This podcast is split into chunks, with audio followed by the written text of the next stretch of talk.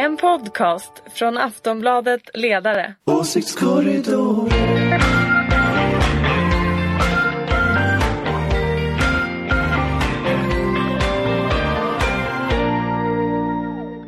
Hej och välkomna till Åsiktskorridoren, en podd från Aftonbladets ledarredaktion. Det är torsdagen den 18 januari, det är fortfarande före lunch när vi spelar in det här, det kan vara bra att veta när ni lyssnar. Eh, det politiska året har dragit igång mer ordentligt än förra veckan. Eh, vi har ett vedspisupprop ute i landet som pågår. Men det kommer vi inte prata om här. Ska Nej, jag alltså jag, Jag- jag höll på jag att dö när jag- du sa det när Ja, jag kom ihåg hur det var P1 morgon i morse. Hörde ni P1 morgon i Nej, morse? jag var tvungen att gå. Fast Åh, nu, åh nej, nej, nej, nej. Mm. Jag kan säga så här, jag är beredd att sätta in militären om inte, om inte jag håller det här. Ja, okej ingen vedspis. Jag ska Jag presentera prata vilka om som är här. Vi har Ulrika Schenström, moderat här. Ja, hej. Ulrika. Anders Lindberg Eller det är jag. Så. och Daniel Svedin, båda två från Aftonbladets ledarredaktion. Och jag Hej. heter Anna Andersson, jobbar också på Aftonbladet. Eh, vi drar igång direkt med Folk och Försvar som ju hölls från söndag till onsdag den här veckan. Eh, Anders, du var där. Jag var där. Hur var stämningen?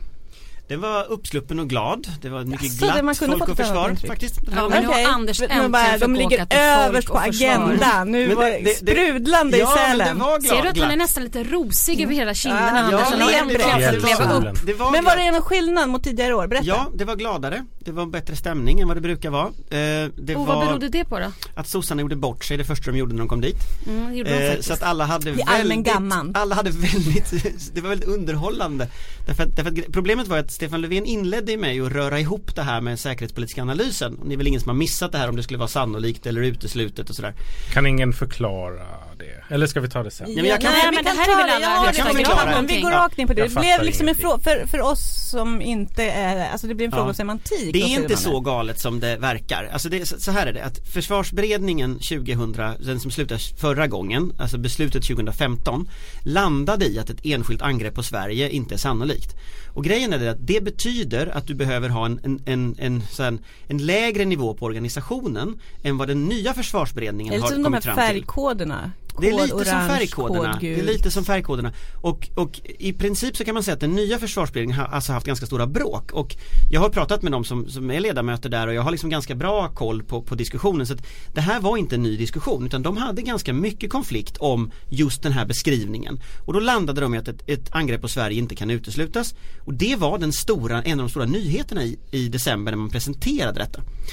När Stefan Löfven ska prata så lyckas han då hoppa över alltihopa detta och ännu mer Margot Wallström som ju då kallar försvarsberedningen som då har väldigt höga tankar om sig själv för den där gruppen. Vem har höga tankar? Wallström Eh, eller eh, Wahlberg- försvarsberedningen, har väldigt höga tankar om sig själv. Han kallade det för den där gruppen Kul. och bara, ja, det, blev, var det blev jätterörigt blev det. Så, Det eh, men, Men hur kan Löfven göra en sån tabbe? Ja det är väldigt oklart. Alltså makt, så här, sossarnas spinn när de försöker försvara sig det är att tills ett nytt riksdagsbeslut är fattat så gäller det förra beslutet. Men det var Margot Wallströms kom kommentar på Ja men det, hela. det är försöket, det är Det försöket till- så. Men, men, men det blir ju också helt, det håller ju, det håller ju formellt absolut Men när, om, om sju partier av åtta, Vänsterpartiet tycker inte den här Men sju partier av åtta har en ny analys Därför att verkligheten faktiskt har ändrats en del sedan 2015 så kan man ju bara säga att ja det var en bra analys och det gör ju sen Peter Hultqvist och reder ju ut det här, rider ut stormen. Det är väl Hulta Bulta som eh, har eh, rätt här tror jag. Jag, jag. jag dissar ju Wallström och eh, hissar eh, Hulta Bulta. Eh, men jag måste ju också säga så här, det skulle ju kunna vara två andra, för, men två, två grejer, avsätta, så Ja långt det vill jag jag komma ihåg att ni ville där, det var en Vad en härlig sommar. Ja du menar Det ja, var i ja, ja. Och nu hyllar ni honom. Fast personligen har jag ju alltid vurmat för Hulta Bulta, det vet ni ju. Det måste vi faktiskt säga. Herregud, det har jag ju faktiskt. Jag har ju nästan besatt pratat om Hulta Bulta. Men nu vill jag bara säga att det finns två saker som skulle kunna ha hänt här. Den ena är att Wallström bara egentligen försökte med, få med sig anti-NATO-gänget. Genom att liksom hitta på den här nya skrivningen eller, eller förorda Ja, den den, gamla den, skrivningen. gamla skrivningen. Så att hon liksom inte tappar vänsterfolket internt. Eller också kan det faktiskt vara så att den mänskliga faktorn har varit inne och att de här politikerna inte klarar av att säga det blev fel för att en medarbetare klippt och klistrade lite fel i dokumentet. Hur många gånger har inte ett dokument blivit fel? Och då är det väl upp till de här ansvariga politikerna att säga det blev fel! Vi har ny version här. Vi framstår som fullkomliga Men klåpare. jag tänker just när, när det men har vi varit sån behöver- diskussion diskussion runt de här formuleringarna. Ja, men det är ju där- alltså, men det, det är är där- därför, då- det borde ju sitta som en smäck innan man öppnar Absolut. munnen. Jag, jag Men alla är alltså, ju inte inblandade i det. Utan jag, jag tror att det kan mycket väl ha varit en mänsklig faktor här som har förstorats helt gigantiskt bara för att ingen vill säga att det var min, min stab här som gjorde fel. Jag tycker du ska, jag tycker Löfven borde anställa dig som spinndoktor för det där hade de ju kommit undan med om de hade sagt Verkligen! Helt klart alltså, du hade, du hade rätt upp det här för, för Sossas bästa vän Ja, nej, men. Schenström, hade, du, hade, du, hade, du hade löst det. Problemet var ju det att de vidhöll ju. Så, att, så att när de hade satt Ja, foten i klaveret, klaveret. så stod de ju och hoppade upp och ner på klaveret och hoppade sönder klaveret. Och sen ramlade ner i klaveret. och sen nu har bosatt sig där. Men problemet är ju att varenda, alltså de som är på Folk och Försvar, det är ju en fasansfull publik om du gör bort dig. Därför att de kan ju allt, de har ju läst alla de här Vi papperna. minns Juholt. Mm. Ja, Juholt då. Men alltså, det, det, Sälen dit socialdemokrater åker för att dö.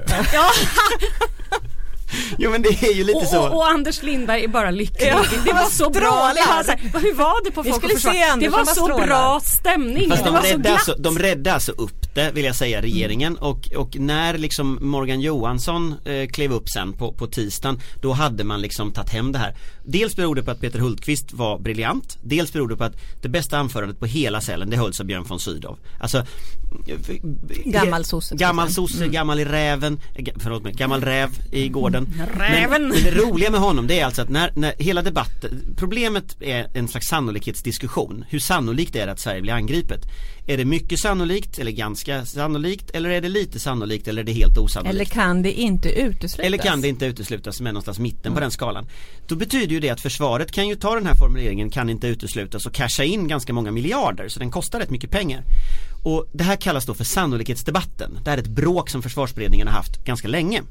Och vad gör Björn von Sydow? Jo han tar Tage Danielssons sannolikhetsmonolog och läser upp den från scenen. Så Vilket proffs. den, om UD kommer att vilja lyfta frågan om sannolikhetsdialog någon gång framöver så kommer ju alla att få Tage Danielsson i huvudet. Så det är ju kört. Björn von Sydow vann. Med hjälp av Tage Danielsson. Det här var den stora frågan som syntes eh, utåt i media kan man säga. Var, var det också den stora frågan på plats? Eller vad, vad, liksom, vad var den stora nyheten uppe i Sälen? Det, det, var, det, det var den stora frågan därför att, därför att den handlar ju om allt annat. Och, och, och den säkerhetspolitiska analysen, jag ordnade en liten nätomröstning vilken säkerhetspolitisk analys som gällde för Försvarsmakten har en tredje. De säger att ett, ett, ett, sannolikheten är låg. Jag har den fjärde. Nej, Ja men ve- vems flest säkerhetspolitiska analyser vinner liksom. Men, men och då vann faktiskt försvarsberedningen min lilla eh, mycket vetenskapliga omröstning. Men det du säger nu, alltså att försvaret tror är inte så rädda för ett angrepp som politikerna är. Nej så skulle jag säga att det är. Försvarets analys bygger, eller så här, man kan Nu inte tog jag säga över lite som Ja, programledare. ber om det, ursäkt. nej, Man kan inte alltså, riktigt- nu, nu är välkomna att kliva in. Man kan Ja. säga så här att försvaret måste ju anpassa sig för politiska beslut och det innebär att det är en ganska lång ledtid. Och försvaret de anpassar sig efter förra försvarsbeslutet 2015 och enligt den analysen så var det mindre risk. Men i takt med att liksom Putin ställer till Syrien har ju hänt sedan dess, alltså det, det är massa saker, ryska anfallet där och sådär så det, har ju hänt massa saker sedan dess. I takt med det, då ökar ju också kraven på Försvarsmakten att leverera. Och till exempel så en annan fråga som var stor i Sälen det är ju att Försvarsmakten har som uppdrag att eh, ta ihop två brigader. En brigad är typ 5000 man. Och som ska kunna liksom oberoende av varandra faktiskt agera på något sätt då. Eller ändå agera. Det där gick ju ÖB tillbaka på. Så nu har vi typ en och en halv eller en, en och tre kvarts brigad. Som är den svenska armén just nu. Men nu blev det väldigt mycket tropikhjälm. Nu måste jag bara, och din hummer och sådär. Jag måste bara fråga, jag var ju inte där. Och nu vill jag bara säga Tyvärr. det igen, att jag var ju då inte där. Nej, jag är inte bitter. Eh, men däremot, du såg ju Ulf Kristerssons tal. Vi pratade ju om det innan. Och jag såg det ju inte för att eh, jag hade inte, man kan ju titta på direktsändningen även om man inte är inbjuden så att säga. Men eh, hur var det? Det, det var Nu blev jag Ja, programledare. nej, men jag jag är Hur bara jag klarade som sig, pratar här, hur men- klarade sig Kristersson? Han klarade sig, han klarade sig därför att det var första gången. Eh, hans tal var väldigt tunt. Eh, det var bra när han pratade om Kina. Därför att det var inga politiker som kan något om Kina och där har han en, en, en stor fördel att han faktiskt har en personlig relation till Kina, han har en kunskap om det. Han kan på ett trovärdigt sätt prata om Kina som en fråga och det, det var intressant. Han är också intressant när han pratar om digitalisering, för det kan han. Uh, han gick inte så långt som jag vill att man går. Jag vill ju gärna att man pratar liksom om cyberförsvar, lite mer hårdare cyberförsvar. Att vi faktiskt kanske också ska ha en offensiv förmåga, att vi kan göra saker med cyberförsvar. Så han gick inte så långt, men det var intressant. Men den säkerhetspolitiska analysen var ju bara pannkaka och när han skulle försöka Han berättade att Europa hade ändrats de senaste 20 åren och han hade varit och rest och hej och hå. Så att liksom den, hade han, om han håller ett lika tunt tal andra året, han är i Folk och Försvar, då blir nästa skandal Ulf Kristersson. Så att Det var liksom, hårda ord. han kom undan för det. Så att, ömsom, nej inte så hårt men ömsom vin, Men, men ömsom jag tycker han vatten. fick en bra mediebild i alla fall om man läste Ja. tidningen och så. Sen föreslog han väl något säkerhetsråd va? Eller vad var Ja det har han gjort? Ja. förut. Det, han, vill, han vill flytta hela krishanteringen till statsrådsberedningen. Och det där är, det Ja och men det var ju det. spännande Det att var han, ju det jag var med och tillsätta. Jag Ja, och fick inte berätta Beatrice det. Ask Och sen så flyttade? Jo, han, han hade också Men sen hon flyttade man ju, alltså nya regeringen efter 14 flyttade ju ner, ner kansliet till justitiedepartementet. Jag tror ju att det ska ligga på SP men det kan vi ju ta en Det hel podd om. Vet du vem som mer vill att det ska ligga på SP? Nej. Håkan Juholt. Det är nämligen hans idé som Kristersson har, har vidareutvecklat. Så nu går Kristersson det tror inte jag Jo, alls det kommer att från Ulf- försvarsberedningen Ja, men- eh, som Juholt ledde. Ja men ja, det där var Det det, löjligaste jag hört. Nu har du humrat det. klart. Okej, nu, Ja, jag, det tror, jag tror faktiskt, är det något mer vi vill säga om folk och försvar? Nej. eller? Nej. Vem hade mysigast tröja på sig? Ja det är Bäst intressant. cardigan. Ja men det hade ju von Sydow. Alltså, och, vet, Sydow, denna jag, vinnare. Vet ni, jag tror att han är en liten luring. För han hade alltså kostym innan han gick upp på scenen. Sen gick han upp på scenen i en lusekofta Som och höll sitt Superman. anförande. Sen gick han ner och så såg jag honom strax efter och då hade han en kostym igen. Så jag tror att han, Han har en stylist som Ja. Säger det kommer tas bilder va, du måste Ja. ha lusekofta. Och han måste vara en av världens snabbaste ombytare dessutom. Ja han var mycket snabb på att byta där så att jag Men det där är lite pinsamt. För nu har det ju kommit fram att han gick omkring i liksom kostym på Folk och Försvar och hade bara lusekofta Nej, på scen. han hade kost, lusekofta lite fler tillfällen men, men jag, jag noterade just den här liksom att det, det var så här Tage Danielsson och lusekofta och det var liksom det var, det var för perfekt liksom. Han tar seden dit han kommer. Mm, det kan man Ja. lugnt säga. Men nu går vi vidare faktiskt. Eh, vi har även haft årets första partiledardebatt. Igår, onsdag, så hölls den i riksdagen. Eh, det var mycket brott och straff och rädsla och, och mörker var ju intrycket man fick. Var det en bra debatt Ulrika? Jag tycker att den var ganska bra faktiskt. Jag Okej. tittade på den där och eh, satt kanske inte och stirrade på den hela förmiddagen men jag hade den i bakgrunden och debatt, så här, ni vet alla att jag tycker att det är för lite reformer. Okej, där kan vi alltid ha liksom vår av, liksom, där kan vi alltid ta avstampet, så är det. Jag kommer inte vara nöjd förrän vi vet att de har liksom presskonferenser före och efter partiledardebatten där det liksom är nya uträknade, bra finansierade reformer.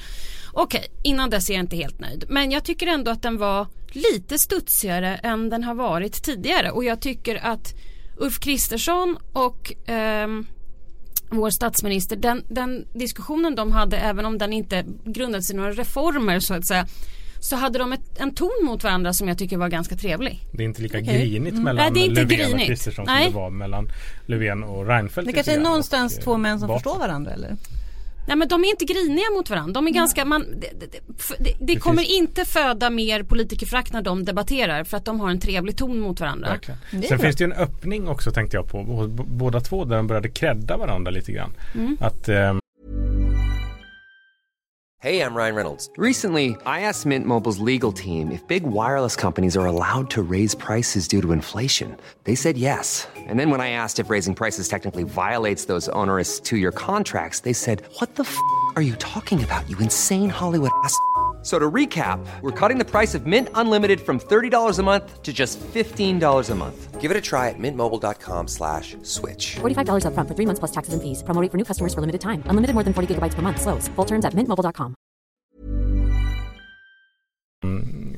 eh, Löfven hade något resonemang om att ni gjorde bra saker med när ni flyttade integrationskravet från eh, kommunerna till eh, Arbetsförmedlingen. Att Arbetsförmedlingen ska ta hand om, om integreringen av eh, invandrare. Och eh, så pratade Kristersson också om att i eh, i Tyskland så har ju de konservativa, eller Kristdemokraterna och Socialdemokraterna kommit överens om en plattform då inför att de ska bilda regering som Mm. gäller kvotflyktingar. Det borde vi också komma överens om att det finns liksom en öppning för en eh, möjlig lite svensk skifte i, i, to, i tonen då. Eh, Daniel, vad hade du någon favorit? Var det någon som klarade sig extra bra?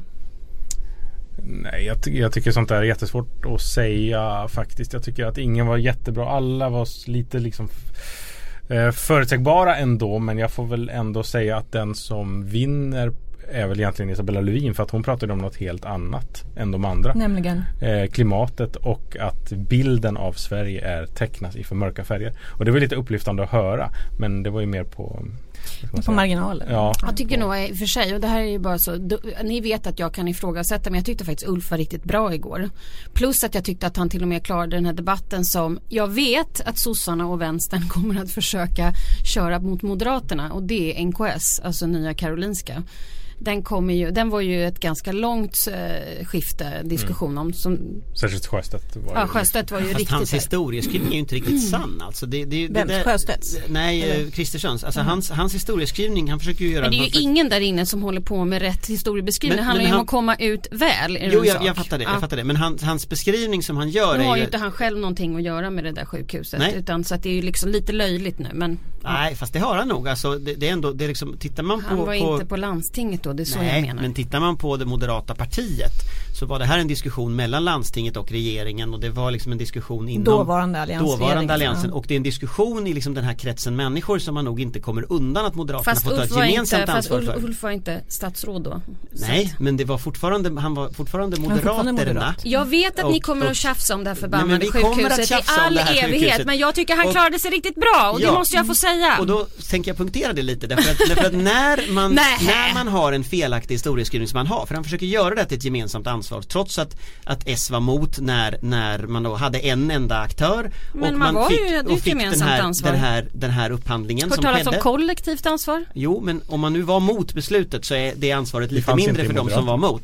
Och Filippa Reinfeldt är ju den person som lite har hundhuvudet här. Och tittar man på relationerna mellan liksom Aleris Filippa Reinfeldt, Irene Svenonius som nu är ledare i landstinget så ser man ett litet mönster Men nu här. pratade vi om Ulf och inte Ja, om, om, om Filippa det här Reinfeldt. Utan nu är det så här, nu pratar vi om Ulf Ja. och jag tycker Men Ulf inte- klarade det ganska att bra. det Men vi kan gärna, tog upp nu, ja absolut, Ja. det var jag som tog upp Ja. det. För jag tyckte att han gjorde det ganska bra. För att jag vet, och det kommer vi att prata om många gånger Mm. Det- jag här inne. också att det där vi kommer att prata att om det här dyka Men sjuka reality check för Ulf då som vi nu kallar honom med förnamn här, känns Ja, det det är obehagligt? Det är lite obehagligt tycker jag. En ny ton i Eh, debatten Anders. där- Ulf och där- Stefan. Ja, Ulf och Stefan. Ja, i alla fall. Problemet för honom är att eftersom hans historieskrivning är fake och Svenska Dagbladet och DN Vänta, vänta, vänta. men Låt alltså nu får Anders prata klart. Ja, Svenska Dagbladet och DN vet mycket väl om detta som liksom lokaltidningar i Stockholm. Deras journalister har grävt det här väldigt länge. Han kommer inte att komma undan med den.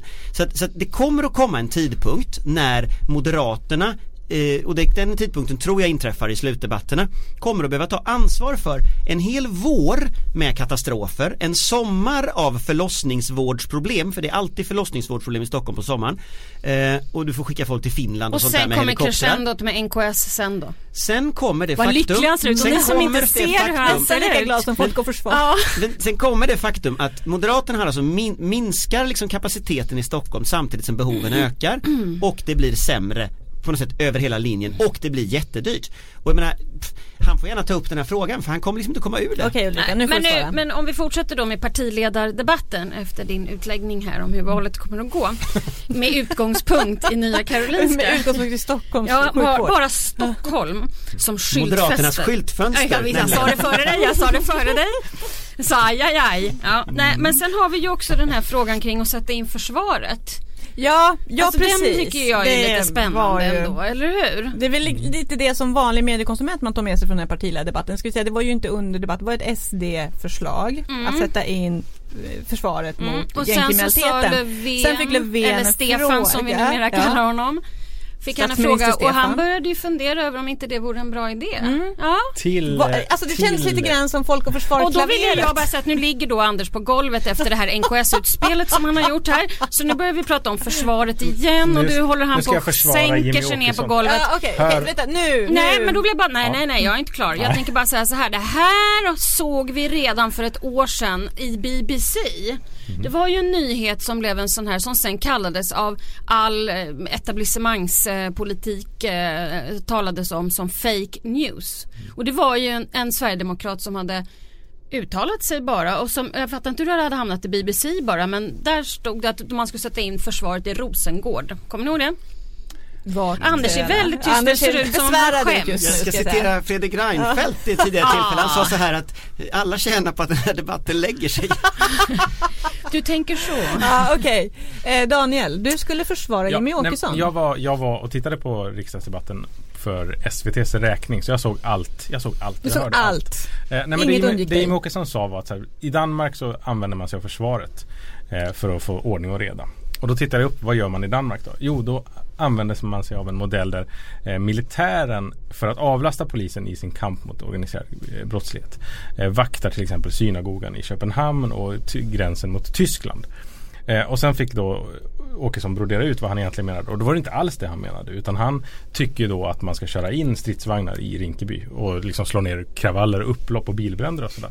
Och sen Det är ingen som har funderat över att det kan bli extra mycket upplopp på grund av att det kommer en tank in och folk blir Det panikslagna. kan man tänka. Och så får Löfven då en fråga, vad, vad tycker du om det här? Och han är ju i ett läge, han, han utesluter ju ingenting nu för nu är det ju liksom race to Det the är bottom. verkligen ingenting. Nej, det är race to the bottom av vem som är tuffast. Kristersson sa ju att han utesluter det. Han har ändå 20 moderater som har motionerat om samma sak i riksdagen eh, under allmänna motionsperioden. Då var det 20 moderater som Mm. skrev under den. Men som partiledare så utesluter han det. Men Alltså, alltså- Löfven, han utesluter ingenting! Nej, men alltså problemet, Stefan, det blir, denna hård- det finns ju, hårdför det finns ju en, det finns ju en förhistoria kring frågan om civil-militär samverkan när det gäller ordningsfrågor. Och inom socialdemokratin så brukar det här kallas för Ådalen-komplexet. Därför att, därför att och, och det, och, det handlar ju om. Ådalen, men det handlar ju om Ådalen 31 när militär sattes in mot demonstranter och, och dödade fem personer och skadade en massa människor. Och efter det så har man i Sverige haft en väldigt hård princip, en väldigt hård gränsdragning. Så att det hör till extrema undantag att vi sätter in liksom att man använder så här militära helikoptrar används någon gång liksom hemvärnssoldater används för att liksom eh, spåra folk i skogen som har tappat bort sig och sånt där. Och det tycker nog de flesta är okej. Men idén att militär, alltså militären kan, militärens uppgift är väpnad strid är det problemet att det finns för lite väpnad strid i förorter? Fast å liksom, andra sidan måste jag säga, det är ju en retorik som nästan alla politiker när man pratar om krig. Men det är helt det är som vansinnigt. krig med det här alltså militären kan inte detta. Vad som behövs i de förorterna det är liksom utredning, det är poli- närvarande poliser, det är liksom Det är sånt som behövs. Det behövs inte mer händer- eldkraft, det är helt man- vansinnigt liksom. Tittar man på de här händelserna i Rinkeby så verkar ju att man åtminstone Vilka händelser menar du då? Morden att, att, eller? Ja, att folk Mm. skjutit ihjäl varandra nu en, en om dagen nästan sen, sen nyår. Riktigt så mycket är det inte men att de här eh, skjutningarna och morden på Järvafältet så verkar det handla om att alla om man ska tolka polisuppgifter till SVT bland annat och till oss Aftonbladet då att alla vet ju vilka de här personerna är som gör det men det är ingen som vill vittna. Och ingen kommer bli mer benägen att vittna om det rullar in en pansarvagn på Rinkebystråket. Nej, det är svårt det är att Men se. hela idén liksom, vad, vad, ska, vad kan militären göra som inte polisen kan göra? Ja då blir det ju sånt där som att bevaka saker och sånt men, men å andra sidan vad gör de om någon gör någonting då? Ska de här soldaterna då som är inryckta, ska, vad ska de göra? Alltså det är liksom, det är ju en helt Det, det är väldigt det- oklart. Men är det Men inte ganska vad ganska något. häpnadsväckande då att en socialdemokrat plötsligt säger att han inte kan utesluta? Ja, det, det det är just det här som är liksom det konstiga va? Ja, alltså- Eller hur? För att jag menar, Nu ser Anders väldigt skamsen ut igen. jag nämner mår han dåligt Det var igen. inte du som sa det, vill jag säga. tänkt Nej, på att han försöker komma så undan pinsamt. saker så att han får sån här ledsen hundögon. Och det är synd att vi inte är snälla mot mig. Jag ska också börja spela in en sån här film som du gör bara när du gör sådär. Nej men det är ju Ja, så det är- pinsamt ja. alltihopa. Vi har haft folk och försvar i tre dagar och pratat om militären, liksom vad militären är och sen så, så blir debatten nu Kommer Hultqvist få reda upp det här också? Nej, Eller Björn von får Jag Sydow? tror det Jag ska vi inte skicka Björn von Men Sydow tror till inte ni att Björn von. Sydow och Hulta Bulta i kombo kommer att få göra Alltså något? grejen är den att det civila försvaret, om du hade pratat om höjd beredskap Eh, då är det klart att då måste man kunna diskutera massa sådana här saker och det finns ett förslag i försvarsberedningen om en beredskapspolis igen, att återinföra det. För förr fanns det en sån beredskapspolis. Men det är liksom vid höjd beredskap. Det är om, det är ett skymningsläge säkerhetspolitiskt. Alltså idén att sätta in försvaret mot liksom gäng när det inte är det, den finns liksom inte i det politiska landskapet, eller den fanns inte till igår då. Så att, så att Men nu gör det det. nej jag tror faktiskt inte att den Precis gör som det. i utan andra jag, framgångsrika länder, Egypten, Ja, men, Iran. jag, tror faktiskt Iran. att, jag, jag tror faktiskt på riktigt att den här debatten borde ta och lägga sig och så borde vi prata om någonting annat istället. Det tror jag liksom är lösningen. Ja, jag, jag vet precis vad vi skulle kunna prata om istället. Reformer! Reformer, kanske ett skattepaket Men vi, vi kan, eller... ja men vet du vad? Det där, tack för den. Nu går vi Vilken över till brygga, va? nästa, eller väldigt elegant, som på Mycket beställning. elegant. Vi ska prata om skatter Kan jag, också. behöver inte jag se ut som en ledsen hund Nej, nu, nu kan du sträcka på dig Anders. Nu ska vi prata skatter. Eh, SNS, tre ekonomer från SNS eh, la, skrev igår, på, det var igår va? på DN Debatt att de ville se en höjning av skatter på kapital och en sänkning på skatter på arbete Detta för att motverka eh, en ökande ojämlikhet i Sverige helt enkelt. Det ska löna sig att arbeta och inte så mycket att ärva pengar.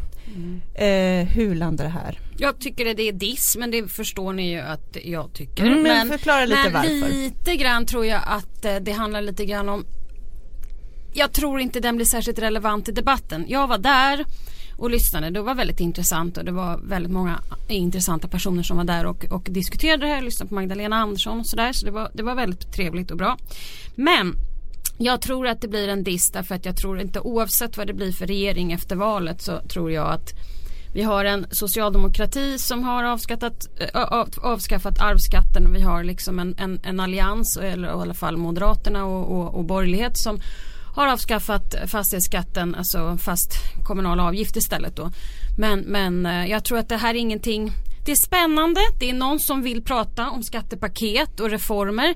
Det är heja heja, äntligen. Men det var fel Men, eh, men jag tror inte riktigt på att det här kommer att bli verkligt i framtiden. Jag tror inte att någon regering kommer att ta till sig detta. Okej, Anders? Nej, jag, jag tror ju att det här är ju en, liksom en internationell debatt. Alltså vi ser ju väldigt tydligt att det är så att, att skatter eh, försvinner på kapital och, och du ser en, en, liksom en, en ackumulation av kapital som är helt otrolig bland liksom rika och superrika. Och just ojämlikhet pekas ju, alltså det är ju så här traditionella högertidningar och Världsbanken och sådana som pekar ut ojämlikhet som ett jätteproblem. Det är som ett, fara ett politiskt ett, hot. eh, Liksom. samhälle. Ja men det är ett politiskt hot mot hela världen. Och tittar på sådana krafter som Trump eller Brexit, de drivs av ojämlikhet. Så att ojämlikhet skapar ju enorma farliga problem så. Eh, och då tror jag att liksom, Sverige är ju ett extremexempel. Vi är ju ett skatteparadis för rika. När, när liksom, vi har ingen arvsskatt, vi har ingen fastighetsskatt, vi har ingen förmögenhetsskatt en massa sådana här kapitalvaror som är fruktansvärt dyra. En, en lyxbåt eh, beskattas inte. Eh, Det kan du ha liksom bäst du vill. Däremot när du jobbar så beskattar vi det ganska högt. Och det fin- Ganska? Ja, men det skulle säga finns, skyhögt. ja men det finns någonting ganska bisarrt i Bisarrt att lyxbåtarna, lyxbåtarna på Östermalm inte beskattas.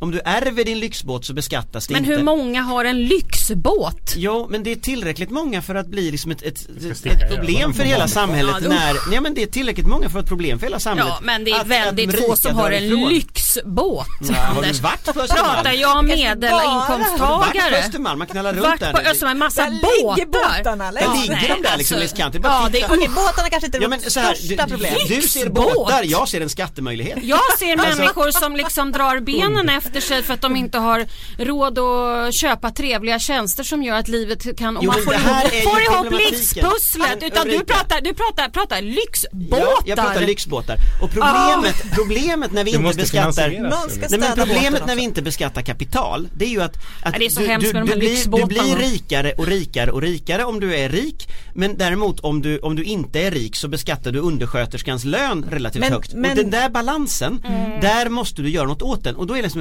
lösningen på det Vi behöver ju mer pengar i framtiden Att Det vi måste ha färre om. lyxbåtar. Det får vi också gärna ha, eh, av miljöskäl om inte annat Vi Men måste ha fler lyxbåtar och beskatta dem högre. Det Ja du det. ser, ni är inte överens på Ja, ledarspän men- heller. Men vänta, Anders. Och sen vill jag bara påpeka Men en sak. det, det som de här ekonomerna föreslog då, är det, är det rätt väg att gå?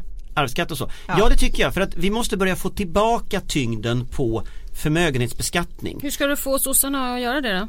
Eh, jo, det, det vet vi på ledarsidan. Därför att i söndags så skrev Karin Pettersson nämligen precis detta på ledarsidan. Så vi ser ju alltså det här som liksom en naturlig följd av vår opinionsbildning. är det Karin Pettersson opinionsbildar för detta och nu, har liksom, nu blir det här liksom dagordningen och snart Tror du kommer alla Magdalena att tycka lyssnar så. på Karin?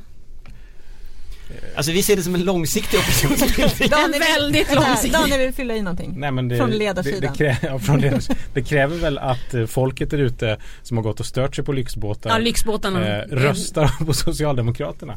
Och får Socialdemokraterna ett tillräckligt starkt stöd då håller vi inte det för otroligt att vi kommer kunna påverka dem. Kunna Att, sänka en annan båt. ja, att vi får sänka båtar, höja arvsskatten, krossa.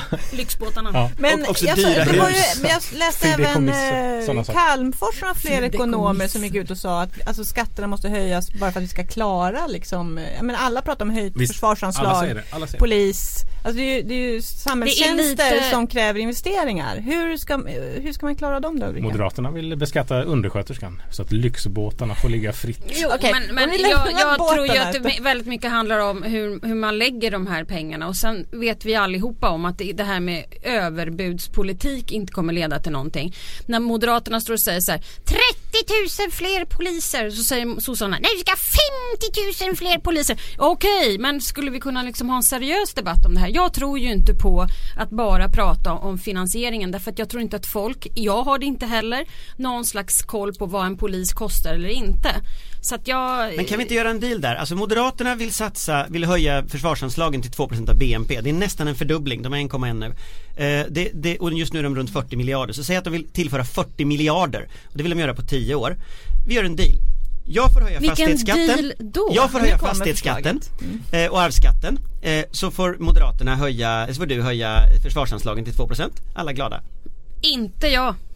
Det, jag tycker, alltså Hur ska nej, du då jag, finansiera den där, Ja du, men du sa just vi har inget underlag från Finansdepartementet var vi kan ta några pengar från. Du försöker bara Jo, göra det väldigt enkelt för dig. Du försöker du bara göra det väldigt enkelt för Jag kan dig. skriva ett underlag. Lyxbåts-Anders.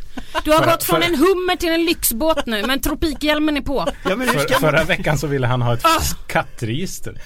Ett kattregister. Ja, och beskatta Nej, kattägare. du förenklar den här, du förenklar hela debatten genom att bara väller försöka... in till Ja, det statskassan. bara väller in. Jag skrev faktiskt inte i den artikeln att jag ville beskatta katterna, jag sa bara att vi skulle ha ett Men- register. men- Men kan vi inte Alltså, prata om en annan sak innan vi avslutar? Jo. Får jag bara fråga om vi inte kan prata om den här förbannade vedspisen? Vill, du vill prata om Ja, vedspisen? alltså jag var så upprörd i morse och jag är fortfarande har upprörd. Let it go, på säga. Nej men Släpp de hade det. en debatt på, på, på P1 Morgon om det här med vedspisar och det var en stackars kille där som har gått i uppror och haft någon Facebookgrupp som är liksom oroad Mm. För återinställning. Man skulle återinstallera vedspisar och sen så var det någon jag kommer inte ihåg vad kvinnan hette som, som satt och hade liksom på något sätt ansvarat för de här reglementena på något sätt. Boverket. Boverket, exakt.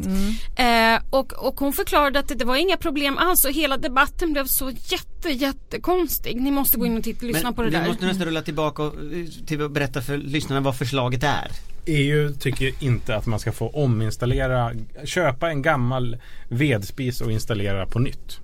Eh, För då blir det utsläpp. Och det är någonting Fast bara man får ju göra det i de, t- de typer av hus som har haft vedspis. Okej, så det är Så Fast att- det är att- väl en ny spis då? Alltså själva... Det köpa Alltså, en det- ny det och slår- sätta tillbaka. Ja, det får Men det här göra. med hus som är byggda kanske 1985-90 som inte är byggda för vedspis. De får inte köpa en vedspis från 1800-talet och installera. Nej jag tror Då att det var det folk för det men jag tycker det är superdåligt också. Det är ju bara Folk superlöjligt. älskar verkligen sina vedspisar. Ja, det jag slår an en. någonting i Jag har en.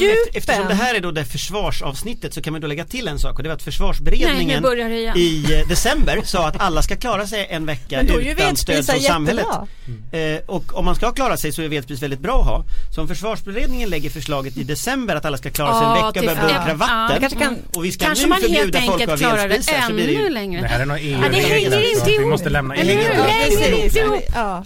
Det här är EU-regler. Någon kanske skulle Precis, samordnat man får flytta till, till England efter Brexit. Då får de ha hur många vedspisar de vill. Och vilken sort. Nej men jag bara tyckte att det där var en sån osannolikt fånig debatt. Nej men därför att det var idag och jag Nej, var men så upphetsad i jag, morse. på Facebook, jag brukar sällan märka av sådana upprop men någon, av någon anledning så det överallt överallt. och folk är så arga. Mm. Och det är, och igen så här stad och landfråga och Det här ja. är säkert MPs fel säger alla fast det är EUs fel. Jag och MP har gått Jag med på det. det Kan inte någon grävande journalist kolla hur mycket MP har åkt ner till Bryssel och gått med på det här? hur många vedspisar har de Ja. hemma? Plopp sa det först. Ja, oj då. Det var nu känsligt. blev det tyst. Ja. Jag tror att det jag tror MP på något sätt måste ju ligga bakom, det måste ju vara så. Ja, de är ju verkligen typerna som inte gillar vedspis. Ja.